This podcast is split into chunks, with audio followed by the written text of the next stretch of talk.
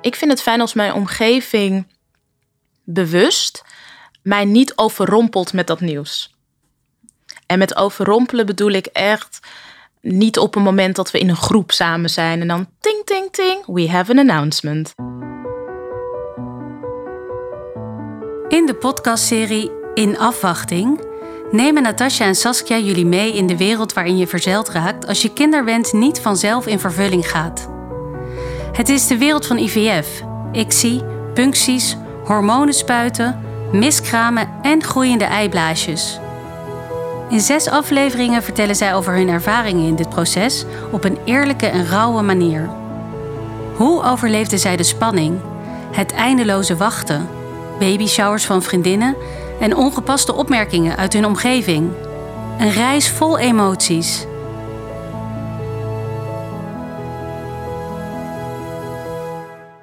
Onze vijfde aflevering gaat over de omgeving en de opmerkingen die mensen maken als een zwangerschap lang, langer of te lang op zich laat wachten.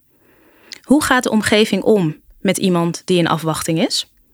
Welke opmerkingen die werden gemaakt hebben wij als fijn, pijnlijk, steunend of niet steunend ervaren? We bespreken het vandaag. Ik ben benieuwd, Saskia. Um, wil jij wat vertellen over hoe jouw omgeving omging met het uitblijven van jouw zwangerschap?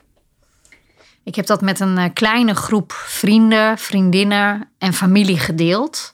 En veelal heb ik wel steunende en warme uh, reacties uit mijn omgeving uh, ontvangen. Ja, en toen wij eenmaal dat proces zeg maar ingingen, uh, waren de mensen die heel dicht bij mij stonden, die wisten wel op welke momenten ik naar het ziekenhuis moest. Op welke momenten er hele spannende dingen, hè, zoals de terugplaatsing, stonden te gebeuren ik voelde niet heel eenzaam dat ik dat in mijn eentje moest doen.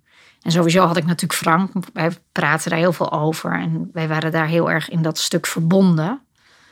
Kijk, sommige mensen die daarvan voel je of ze het met een echte, uh, echte aandacht vragen, omdat ze echt met jou begaan zijn.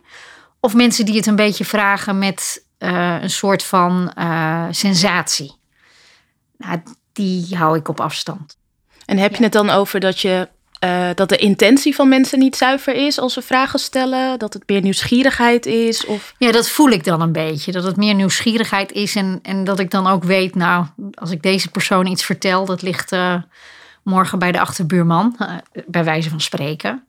Bij ons is het een hele relatief korte periode geweest. Ja. Want bij jou is dat heel anders. Hè? Als je acht jaar in dit traject zit, hoe hebben zeg maar mensen uh, uit jouw omgeving uh, gereageerd met het uitblijven van jullie zwangerschap? Ja, dat is natuurlijk anders, omdat Thijs en ik al best wel vroeg duidelijk waren naar mensen toe dat wij wel kinderen wilden. En dat is natuurlijk met de jaren werd dat verlangen groter.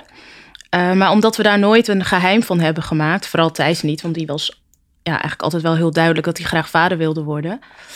Het enige wat verandert, en zo herinner ik het me wel echt, is dat het duurt gewoon heel lang. Dus mensen haken ook af. En het wordt ook eigenlijk best wel pijnlijk als mensen na zoveel jaar merken, ja, dat kind komt niet. En ondertussen hebben al deze mensen die toen wij begonnen uh, nog niet eens bezig waren met kinderen, hebben ondertussen gewoon gemiddeld 2,1 kind. Dus dan merk je ook dat dat um, bijna een onderwerp is dat naar de achtergrond verdwijnt, omdat het voor iedereen ongemakkelijk is. En dan wordt de kring waarmee je het deelt, in elk geval voor mij, werd steeds kleiner.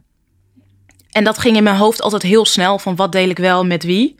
Als ik ja, een soort matrix in mijn hoofd had van uh, uh, welke benadering gebruik ik, persoonlijk of zakelijk. Want is iemand steunend of is hij dat niet? En dat zijn eigenlijk de vier vlakken waar ik de hele tijd tussen bewoog. En voelde ik steun, dan kon ik dus heel open en heel persoonlijk daarover praten. Mhm. Op het moment dat ik dacht, nee, dit is een ander soort stijl, hier ervaar ik totaal geen steun, dan werd het een hele zakelijke benadering.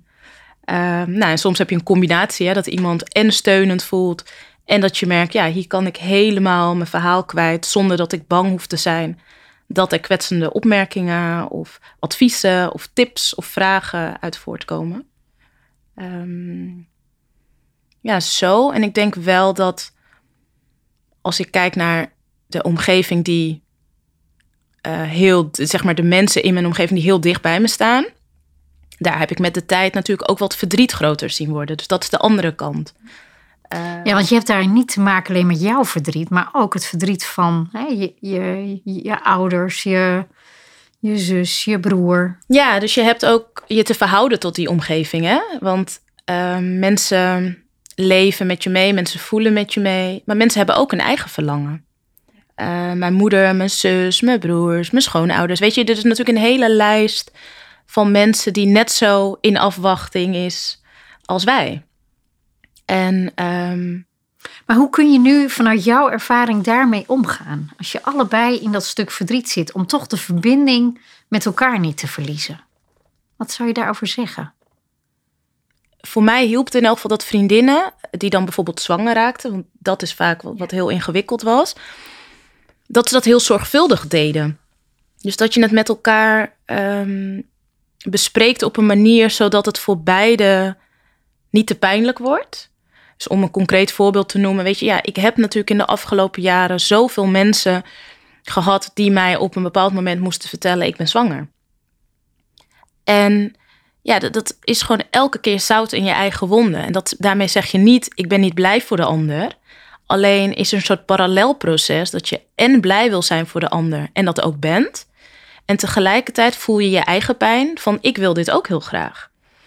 En ik, daar zijn gewoon een paar vriendinnen altijd heel zorgvuldig mee omgegaan. Die zeiden dan, nou als ik wil dat je weet, we gaan stoppen met anticonceptie, ik wil graag een tweede. Uh, wat is voor jou fijn? Wil je het, hoe wil je het horen als het is gelukt? Weet je, dus echt al bijna baby steps uh, bespreken van wat kan ik hierin doen om jou niet te kwetsen of om het niet nog moeilijker voor je te maken dan het al is. Dus ja, af, antwoordgevend op je vraag van wat, weet je, wat werkt daarin of wat, wat heeft mij geholpen? Um, ja, is die zorgvuldigheid. Dat mensen echt snappen en zien hoe lastig het voor me is. En dat het totaal niet gaat over ik gun het jou niet of ik ben een boze vrouw omdat het mij eh, niet gegund is. Maar dat het er allebei mag zijn. Blijdschap van, me, nou, van die persoon die zwanger is. En mijn verdriet. Dat het bij mij niet gelukt is. Wat is jouw antwoord op uh, als, hoe zou jij dat willen horen? Wat heb jij. Ja, dat heb ik best wel scherp. Um, want dat heb ik, daar heb ik jaren over gedaan om, ja. uh, om te weten wat ik daarin fijn vind. Um, ik vind het fijn als mijn omgeving bewust um, mij niet overrompelt met dat nieuws. En met overrompelen bedoel ik echt uh, niet op een moment dat we in een groep samen zijn en dan ting, ting, ting, we have an announcement. Um, want dan word je zo, ja, meteen. Het is heel heftig, want er gebeurt dan iets. Want dan je, je hoort ting, ting, ting en je weet, oh, daar gaan we weer. En dan gaat meteen mijn schild op. En je weet ook dat mensen in diezelfde groep toch naar je kijken van, oh, zou dit dan voor Natasja zijn? Dat is super ongemakkelijk. Um, dus ja, ik zou het, wat ik heel vaak tegen mensen heb gezegd, is: ik vind het fijn als je het me vertelt via de telefoon of als je me een berichtje stuurt. En ik snap dat dat best wel onpersoonlijk kan voelen voor de ander, omdat ja, hoe je het went of keert. Het is natuurlijk fantastisch nieuws voor de ander die het graag willen delen met mensen die belangrijk voor ze zijn. En dat je dat dan misschien niet op die manier wil doen. Want denk je, ja, maar ik wil het als je gewoon zien en ik wil er misschien knuffelen en ik wil. Maar heel eerlijk, ik wil dat niet.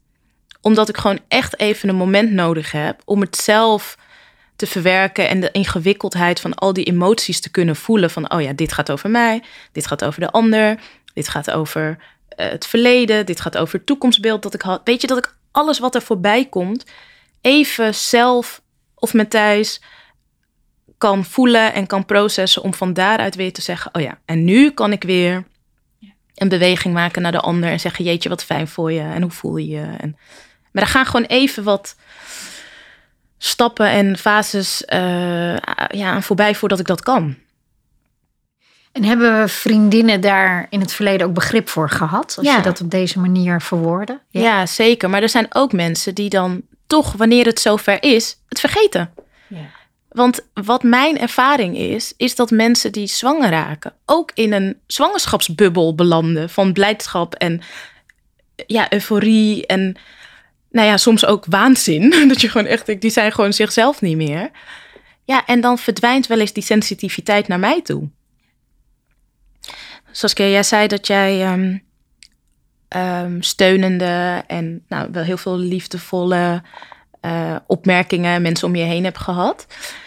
Ehm, kun je vertellen over wat voor jou steunend en of liefdevol was? Even wat concreter wat je daarmee bedoelt. Ja. Ja. ja, dat zit hem in hele kleine dingen. Dat, dat zit uh, in ten eerste gewoon uh, er echt even voor iemand zijn. Echt luisteren naar het verhaal van de ander. In, die, in dat IVF-proces komen zo vaak moeilijke, spannende momenten voor. Je bent vaak uh, labiel, verdrietig. Nou, als iemand dan uh, het, uh, gewoon even naar je kan luisteren, even een kop koffie met je kan drinken, dat heb ik als heel steunend ervaren. Ook dingetjes als een kaartje, een berichtje, op, dat je een speciale dag even onthoudt wanneer het moeilijk is, wanneer het spannend uh, is.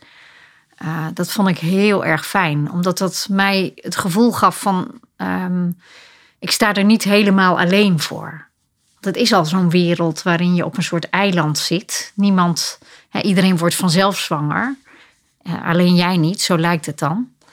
Um, dus in hele kleine dingetjes zit het.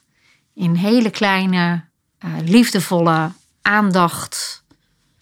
Um, echt voor je zijn. En ik moet ook nog denken, je zei iets over de intentie um, van de vraag hè, die iemand stelt. En daar wil ik nog wel op reageren, omdat ik heb denk ik ook heel vaak ervaren dat mensen dingen zeggen die gewoon pijnlijk, kwetsend of heel lomp zijn. En als je daar dan op reageert. Maar die wel een positieve intentie hebben. Ja, die jij? vervolgens zeggen dat ze een positieve intentie hebben. Dus ja, maar ik bedoel het goed. Ja, nee, maar zo bedoelde ik het niet. En ik heb daar best wel veel um, last van gehad. Dat mensen dan denken van ik kan alles zeggen, ik kan alles vragen. En misschien komt dat ook door mij, hè, dat ik een soort openheid heb, waardoor mensen denken, ah joh, tegen Natasja kan ik het wel zeggen. Uh, want dat is wat mensen ook wel eens tegen mij zeiden van ja, weet je, tegen jou kan ik het wel zeggen, ja, ik ben nu wel zwanger, maar ik weet eigenlijk niet of ik wel blij mee ben. Dan denk ik, nee, tegen mij kan je dit niet zeggen. Maar toch voelen mensen uh, die ruimte om dat met mij te delen. Of um, uh, en, en als ik daar dan wel op reageer, van nee, ik vind het een hele pijnlijke opmerking als jij dat tegen mij zegt. Want volgens mij weet je hoe lang ik bezig ben om dat te krijgen. Dan, nee, maar zo bedoelde ik het natuurlijk niet. Nee, maar zo heb je het wel gezegd. En zo is het wel bij mij binnengekomen. Dus wat ik daarmee nog wil zeggen is dat mensen zich soms scharen achter mijn intentie is goed. Maar dan nog. Kun je een ander pijn doen. Kun je een ander pijn doen. En daar wil ik ja, toch ook vaker het gesprek met mensen over aangaan. Van wat betekent ja, om daar, te creëren. Ja, ja, want het luistert zo nauw. Het is zo gevoelig en het zit hem zo in de nuance. Want soms kan iemand best iets zeggen wat heel onaardig is, maar dan voel ik toch weer iets anders. Um, omdat het misschien ook grappig is, of omdat het vanuit een soort. Kijk, ik een stom voorbeeld, maar mijn oma die kan dan bijvoorbeeld zeggen van, ja, maar stel je nou voor dat de keuze was geen kinderen of een ziek kind. Ja, wat zou je dan kiezen? Ja, dat is eigenlijk ook een hele lompe opmerking. En tegelijkertijd uh, is het mijn oma, dus die kan dan met veel meer wegkomen. Maar ze zet me wel op een andere manier aan het denken. Uh, en dat vind ik ook heel veel waard. Want heb jij dat ervaren? Dat mensen kwetsende of pijnlijke opmerkingen maakten in die tijd? Um, Nee, niet zozeer in die tijd dat ik in mijn IVF-periode uh, uh, zat. Um, en voor mij was het op dat moment ook nog allemaal niet zo heel pijnlijk, omdat ik er gewoon heel positief in zat. Maar wat ik mij wel herinner is dat ik in het uh, verleden, toen was ik nog een, een pubermeisje, dat iemand ooit eens met mij gedeeld heeft. En ik weet niet meer zeker, was het nou een vraag of was het een soort opmerking, maar uh, kun je wel een goede moeder zijn als je zelf geen voorbeeld heb gehad. Ik, uh, ik ben heel jong mijn moeder verloren, plotseling. Um, en die vraag is mij altijd bijgebleven. Die heeft mij heel erg diep geraakt. En in die IVF-periode ehm, uh, ben ik daar heel erg over aan het nadenken gegaan. Van ja, kan je wel een goede moeder zijn als je inderdaad zelf nooit uh, voorbeeld hebt gehad hoe jouw eigen moeder dat eigenlijk deed. Uh, en ook later, toen mijn kinderen wel geboren zijn, heb ik daar nog heel lang mee geworsteld. Want het, het is ook zo, weet je, je moet het allemaal alleen uitzoeken. Maar dat is een opmerking geweest die waarschijnlijk uh, uh, met een positieve intentie, hè, daar hebben we er zo één, bedoeld is geweest. Maar die, die mij uh, wel um, aan denken heeft gezet, maar ook af en toe verdrietig kon maken. En voor jou, wat zijn opmerkingen uit jouw omgeving waar jij zegt van daar kan ik helemaal niks mee. Want ik denk dat heb je een je hele even? heb je even, ja, dat kan me voorstellen met acht jaar eh, ervaring. Ja, het zijn er echt heel veel. En om nou te voorkomen dat ik er 10.000 opnoem en we hier over drie dagen nog zitten, kan ik wel iets zeggen over de opmerking die ik gewoon vooral echt heel vaak heb gehoord. Uh, een van de opmerkingen die mensen bijna standaard maakten, als ik zei van nou, bij ons lukt het niet vanzelf. Of uh, we lopen in het ziekenhuis. Dus een van de eerste vragen die mensen altijd stelden: Oh, uh, maar en weten jullie aan wie het ligt? Of wat er dan precies aan de hand is? Ja, die is meteen heel persoonlijk. Hè? Ja. Die gaat echt bijna over een grens. Dat ligt eraan wie het vraagt, maar. En zelfs dan. Ja.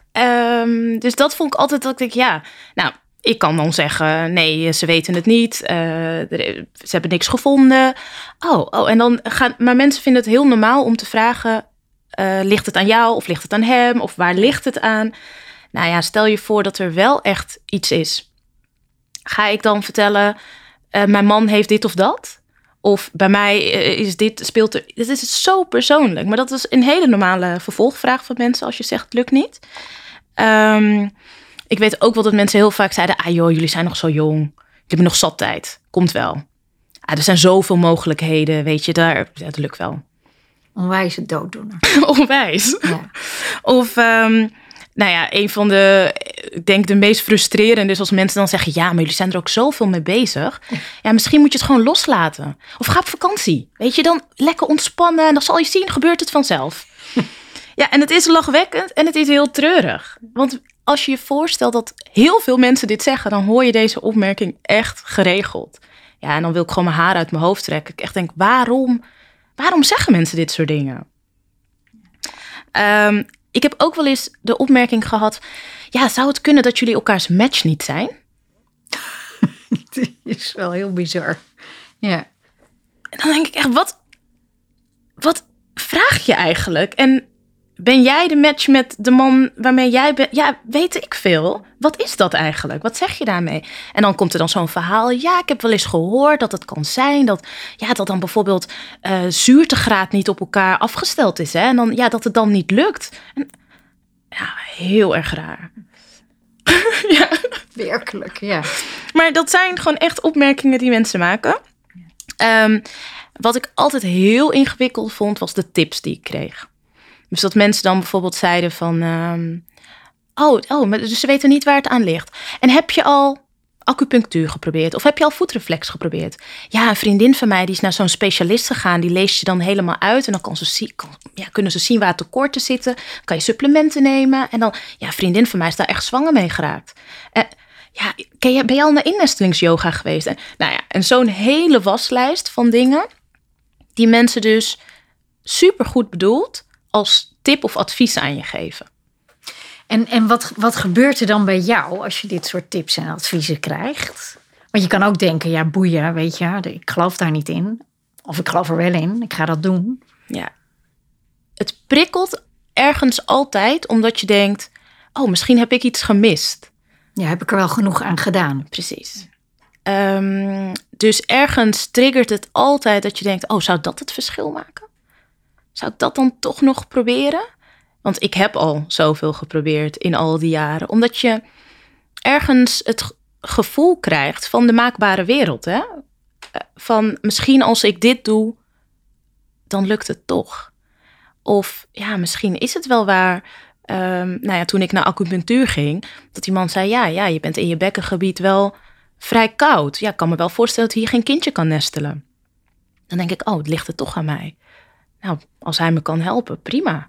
En dan ben je in die periode ook al heel erg labiel. Hè? Dat, is, dat is ook iets, je gaat alle kanten Je bent voor alles ontvankelijk. Ja. als iemand dat zegt, want je denkt nog steeds, misschien gaat dit het verschil maken. Ja.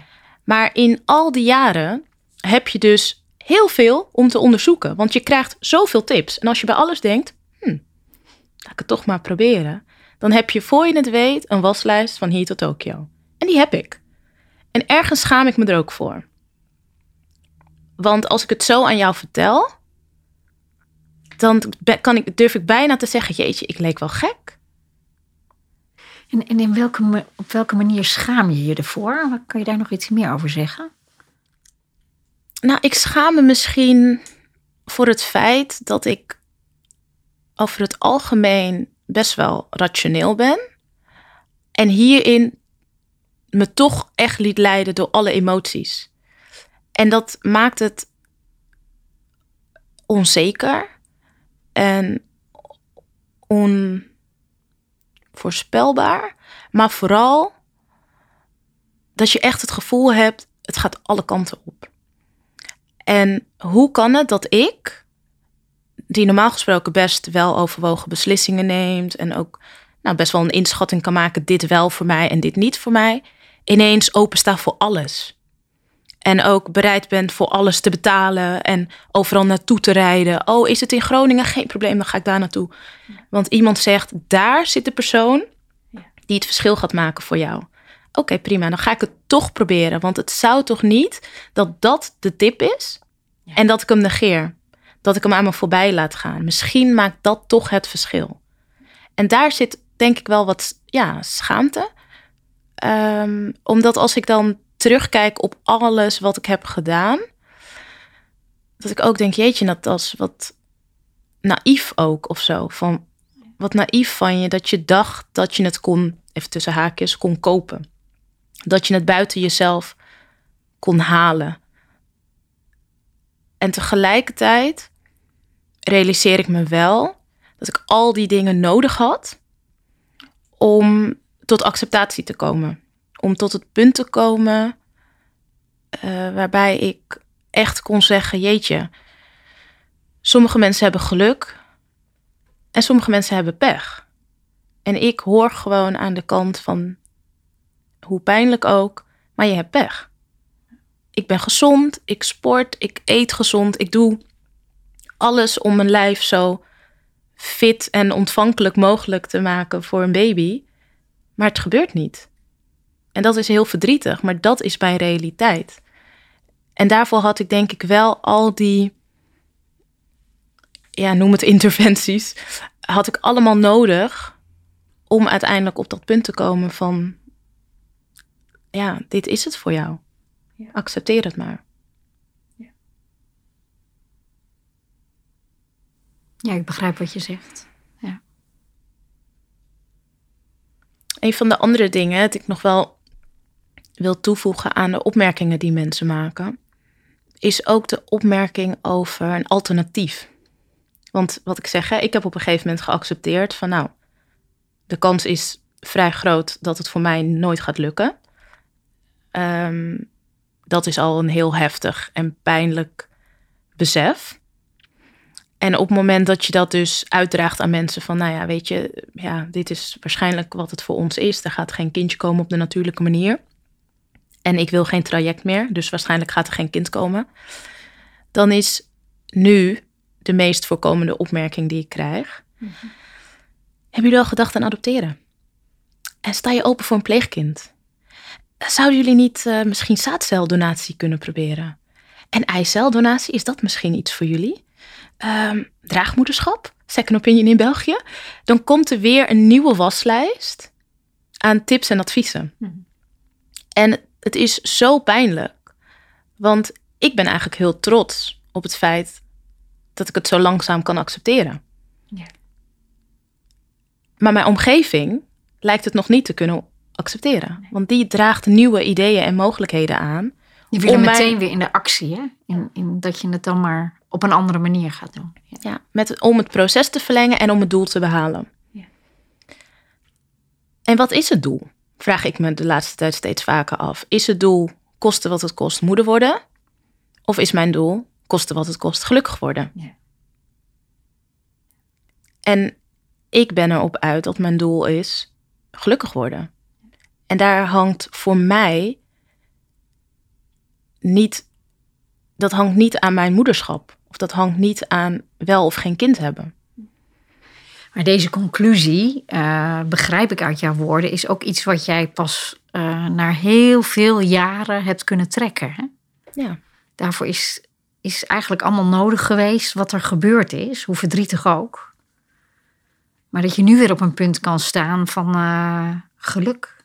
Dat, hoe word ik gelukkig? ja, het is een andere zoektocht. Of hoe ben ik gelukkig? Hè? Ja, Ja. ja en, en wat daarin heel pijnlijk is, is natuurlijk dat Thijs en ik daar anders in staan. Die vraag over alle opties die er nog zijn, dat is een gesprek wat ik binnen de vier muren van mijn huis wil bespreken.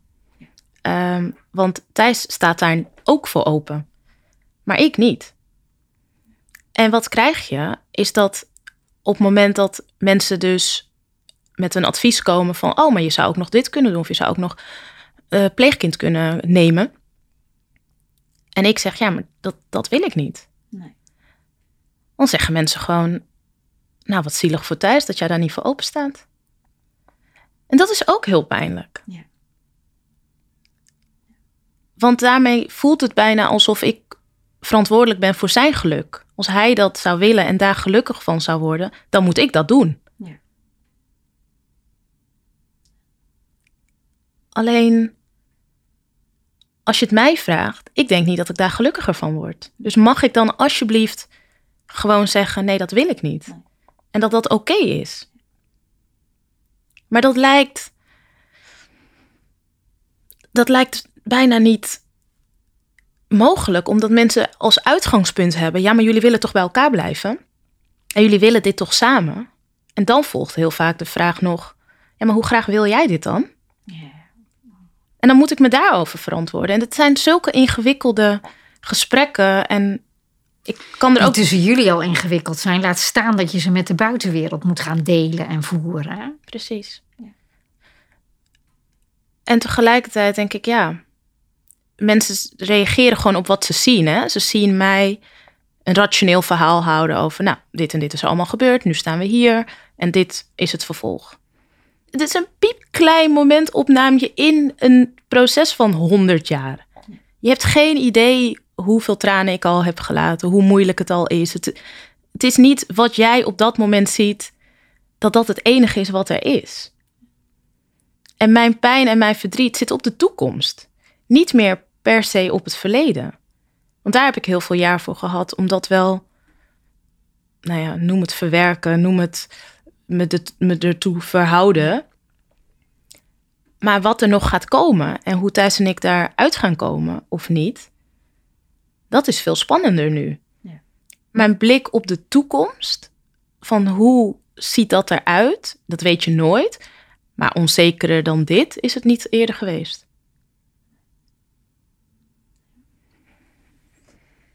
Jeetje. Mag ik jou nog een hele andere vraag eh, stellen, Natas? Jouw achtergrond is eh, een eh, Suri- Surinaamse cultuur, hè? En in de Surinaamse cultuur heb je bepaalde gewoontes, bepaalde gebruiken, die mogelijk verschillen van andere culturen weer. Wat ik mij nou nog afvroeg is, is deze achtergrond voor jou van invloed geweest op dit hele IVF-proces? Op een positieve of op een negatieve manier? Hm, mooie vraag. Ehm, ik kom uit een familie ehm, met heel veel kinderen. Mijn moeder komt uit een gezin van 13 en mijn vader komt uit een gezin van 8. Dus je kan je voorstellen hoeveel kinderen, kleinkinderen, nichtjes, neefjes er zijn. Superveel. En het krijgen van kinderen of het hebben van kinderen is eigenlijk nooit een gesprek geweest wat ingewikkeld is of zo. Mensen zijn gewoon ineens zwanger en dan is er ineens een baby. Dus dat is mijn referentie. En ik heb nooit gedacht dat dat voor mij anders zou zijn. Totdat het zo was. Ehm, in mijn familie zijn er weinig mensen die bijvoorbeeld bewust kinderloos zijn. En ook heel weinig mensen die ja, ongewild kinderloos zijn. Ehm, dus daarin ben ik denk ik wel een uitzondering. Neemt niet weg dat juist door de hechte band die ik in mijn familie ervaar, dat ik heel veel steun krijg. Ja. Juist omdat het voor iedereen zo normaal was, laat ik ook de andere kant zien. Van ja, het is eigenlijk helemaal niet normaal. En daar zijn mensen uh, zich heel erg bewust van. Um, van jeetje, Natas, ik heb me nooit gerealiseerd dat dit ook een mogelijkheid is. Dat dit ook tot de mogelijkheden behoort dat het niet lukt. En dat, ja, hoe stom het ook klinkt, voelt ook wel als een soort dankbare taak bijna. Dat je mensen ook een ander perspectief kan geven. Want die kinderen die je hebt, dat is echt een godswonder. En dat vind ik heel mooi, want juist doordat die mensen het wel hebben, zie ik dat ze mijn pijn uh, voelen en begrijpen. En met terugwerkende kracht misschien nog wel blijer zijn. Ja, dus dat, zo, zo zit dat, denk ik. Ik heb, um, ik heb daarin, ja, kan niet anders zeggen dan dat ook. Ik, weet je, zijn een select groepje uh, in mijn familie waar ik echt heel hecht mee ben, waar ik altijd alles uh, bij kwijt kan. En waar ik niet hoef te denken aan mijn matrix van steunend of niet. En zakelijk of persoonlijk. Maar waar ik altijd gewoon mijn verhaal kwijt kan. En ze ook gewoon vragen van wat is daarin fijn? Wat, wat kan ik wel of niet voor je doen? En die openheid en die vragen helpen gewoon om die relatie te behouden. Ook tijdens zeer rocky tijden zoals nu. Uh, vragen mensen gewoon echt van uh, is er iets wat ik kan doen? Uh, wat is nu voor jou fijn? Wil je het er wel over hebben of niet? En dat leert mij heel erg deze, dit gesprek met jou. Dat het steeds weer belangrijk is dat je met elkaar in gesprek gaat over hoe is het voor jou en hoe is het voor mij. En dat je daar ook de details over bespreekt. En dan kan het soms misgaan, hè? kan je er even niet aan denken, maar dat je steeds weer bespreekbaar maakt van hoe is het op dit moment met jou en hoe is het voor jou en wat vind jij daar prettig in? En wat ik nog wel een belangrijke vind om te zeggen is, kijk, uh, we delen dit nu met, uh, uh, met mensen, met ons publiek. en je hebt altijd, als jij degene bent die aan de andere kant zit en heel blij bent dat je in verwachting bent, heb jij de keuze wat je daarmee doet. Hè? Dus, dus um, wil je sensitief zijn? Wil je, wil je die ander daar inderdaad, uh, wil je daarop letten? Dat mag ieder voor zichzelf bepalen. Maar wat wij proberen in deze uitzending om een inkijkje te geven in hoe het is voor, uh, voor je als je in dat traject zit. En ook vooral bij jou, waar dat zo lang duurt. En hopelijk dat de luisteraars hier dingen uit kunnen afleiden Um, wat ze in dagelijks leven zouden kunnen gebruiken uh, richting andere mensen die in dit traject uh, zitten. Ja, dat zou... Omdat je graag steunend en helpend wilt zijn. Tenminste, dat is mijn intentie. Dus... Ja, maar dat als we dat zouden kunnen bereiken, nou ja, dan is alles wat wij bedacht hadden met deze podcast, is dan toch, wat mij betreft, bereikt. Ja. Uh, want het is al eenzaam, het is al verdrietig, het is al pijnlijk. Maar we gaan er niet per se gebukt onder. Uh, en het feit dat mensen dan dus wel met je, met je meewandelen en zeggen: Nou, ondanks het allemaal naar en verdrietig is, kan ik je een lichtstraaltje of een zonnestraal of een lichtpuntje of iets geven. Wat je door deze lastige tijd heen helpt. Nou, dat is toch fantastisch? Want um, je loopt al de hele dag met een open wond. Dat is gewoon wat het is. En het zal blijven dat er af en toe iemand komt die zout in die wond strooit. Maar hoe fijn is het als er af en toe iemand is die zegt: Ik wil je gewoon helpen deze wond te verzorgen. Of ik geef je een pleister. Of ik weet je dat. Ik breng een kopje thee voor je terwijl jij gewoon op de bank ligt met je wond. Dat is het enige waar het over gaat. Want je moet het zelf doen. Dat is gewoon wat het is. En dat is oké. Okay. 9 van de 10, we kunnen het dragen.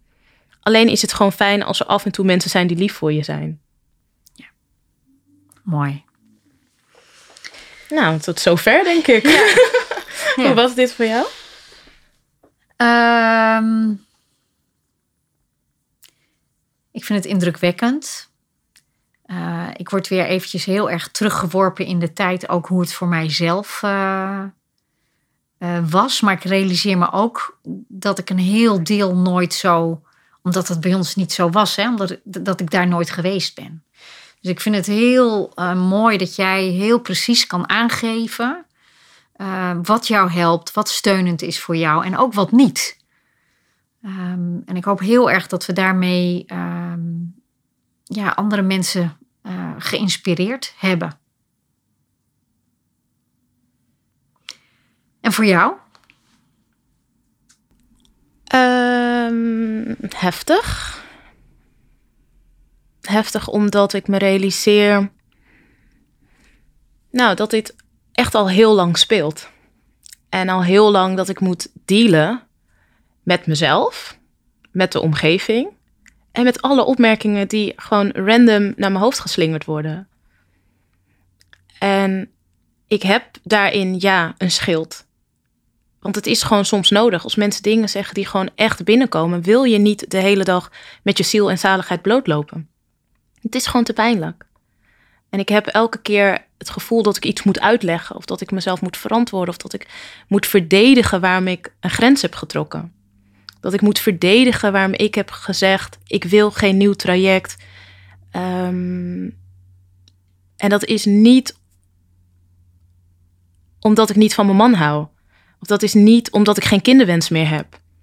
Maar dat is echt omdat ik mezelf wil beschermen tegen nog meer pijn en nog meer verdriet en nog meer focus op dat wat er niet is. En ik vind het gewoon met terugwerkende kracht nog verdrietiger voor mezelf. Dat ik dat dus elke keer te doen heb. Dat ik elke keer moet blijven zeggen: Ik doe dit niet tegen Thijs. Ik doe dit niet tegen de wereld. Ik doe dit niet omdat ik het niet. Maar ik doe dit echt om mezelf te beschermen. Om mijn eigen grens te bewaken. En gewoon te zeggen: Voor mij is het echt genoeg. Want anders ga ik hier misschien wel aan onderdoor. En dat kan toch niet de bedoeling zijn. Dus dat vind ik, ja, dus dat, zo kijk ik op terug dat ik denk, ja, ik vind het een klus. En ondanks dat doe ik het wel. Dus misschien mag ik ook een klein beetje trots zijn. Ja, mooi. Dankjewel. Dit was de vijfde aflevering.